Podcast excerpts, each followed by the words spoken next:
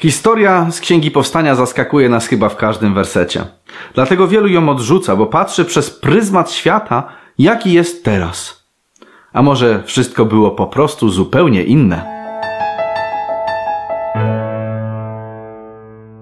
Prawie każdy człowiek na świecie uważa, że to, co jest napisane w pierwszych rozdziałach Księgi Powstania, jest przenośnią, a nie czymś, co można traktować dosłownie.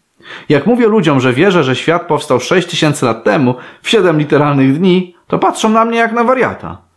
Bardzo dziwi mnie to, że ci ludzie uważają mnie za ignoranta, bo przecież wiadomo, że teoria ewolucji jest niezaprzeczalna.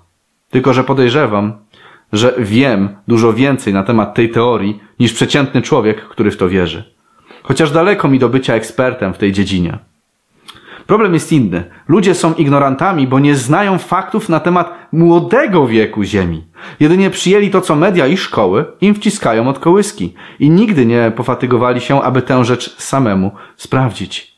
Zawsze jest dobrze poznać dwie strony danego problemu, zanim się zacznie cokolwiek krytykować. Wszelkie krzewy polne zanim były na ziemi i wszelkie rośliny polne nim wzeszły. Bo Pan Bóg jeszcze nie spuścił deszczu na ziemię i nie było człowieka, który by uprawiał ziemię. Ale z ziemi wychodziła para, która nawilżała całą powierzchnię ziemi. Dziwne. Świat, w którym nie padał deszcz? Wielu z nas od młodości jest przesiąknięta uniformizmem, czyli wiarą w to, że świat i wszystkie procesy, y, jakie teraz zachodzą, były zawsze dokładnie takie same.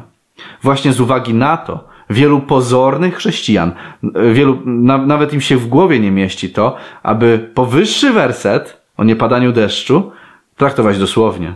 Co dopiero werset jak ten, i z jednej krwi uczynił wszystkie narody ludzkie, żeby mieszkały na całej powierzchni ziemi, określiwszy czasy wcześniej wyznaczone i zamierzone granice ich zamieszkania. Jak to? Paweł wierzył w to, że Bóg wywiódł wszystkich ludzi z jednej krwi?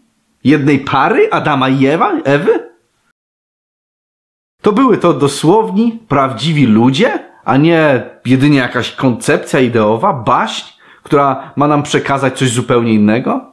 Prawda jest taka, że nie da się odrzucić dosłowności Księgi Powstania, nie, nie odrzucając przy tym reszty Biblii. W tym wypadku musielibyśmy odrzucić na przykład Pawła lub Łukasza, który spisał właśnie relację Pawła. Dzisiaj skupimy się akurat na tych wersetach z Księgi Powstania. I Kain obcował ze swoją żoną, a ona poczęła i urodziła Henocha. Zbudował też miasto i nazwał je imieniem swego syna Henoch. Kim była żona Kaina? Tutaj od razu wielu wskakuje do konkluzji, że opis stworzenia w takim razie nie dotyczy stworzenia całej ludzkości, a jedynie stworzenia tej jednej pary, Adama i Ewy. A reszta ludzkości była już od tysięcy lat. Poza ogrodem Eden. No bo skąd by się znalazła żona dla Kaina? Oczywiście takie podejście nie jest zgodnie, zgodne choćby z tym wersetem, który już poprzednio przytoczyliśmy z dziejów apostolskich, że Bóg wywiódł z jednego rodu wszystkich ludzi.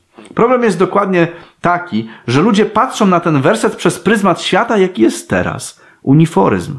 Świat jednak był wtedy zupełnie inny. To, że obecnie kazirostwo jest nie tylko zakazane, ale dla każdego zdrowego człowieka jest wręcz odrzu odrzucające i sprośne, nie znaczy, że takie, tak samo było wtedy.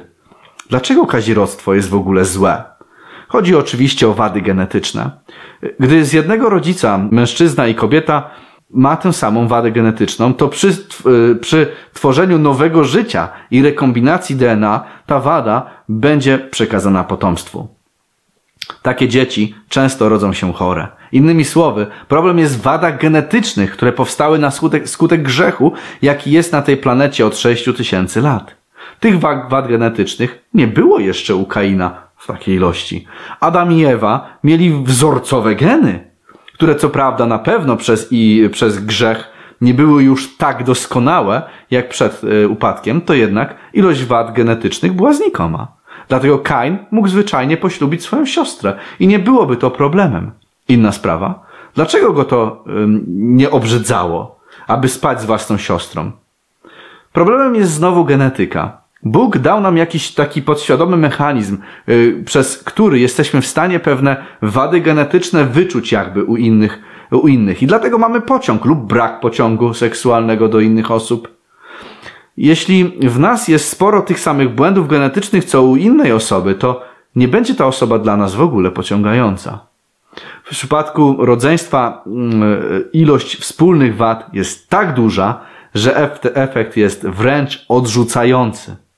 No dobrze, jednak przecież przez Mojżesza Pan Bóg nadał prawo zakazujące kazirodztwa. Jeśli mężczyzna pojmie swoją siostrę, córkę swego ojca, albo córkę swej matki, zobaczy jej nagość i ona zobaczy jego nagość, to jest to hańba. Będą wytraceni na oczach swego ludu. Odsłonił nagość swej siostry, obciążył się swoją nieprawością. W rozdziale 17 oraz 20 Księgi Kapłańskiej jest sporo, y, jest dużo więcej tego typu zakazów. Bóg zakazuje związków płciowych z rodzicami, przybranymi rodzicami, rodzeństwem, y, przyrodnim rodzeństwem, wnukami, synowymi, zięciami, ciotkami, wujkami, szwagrami i szwagierkami.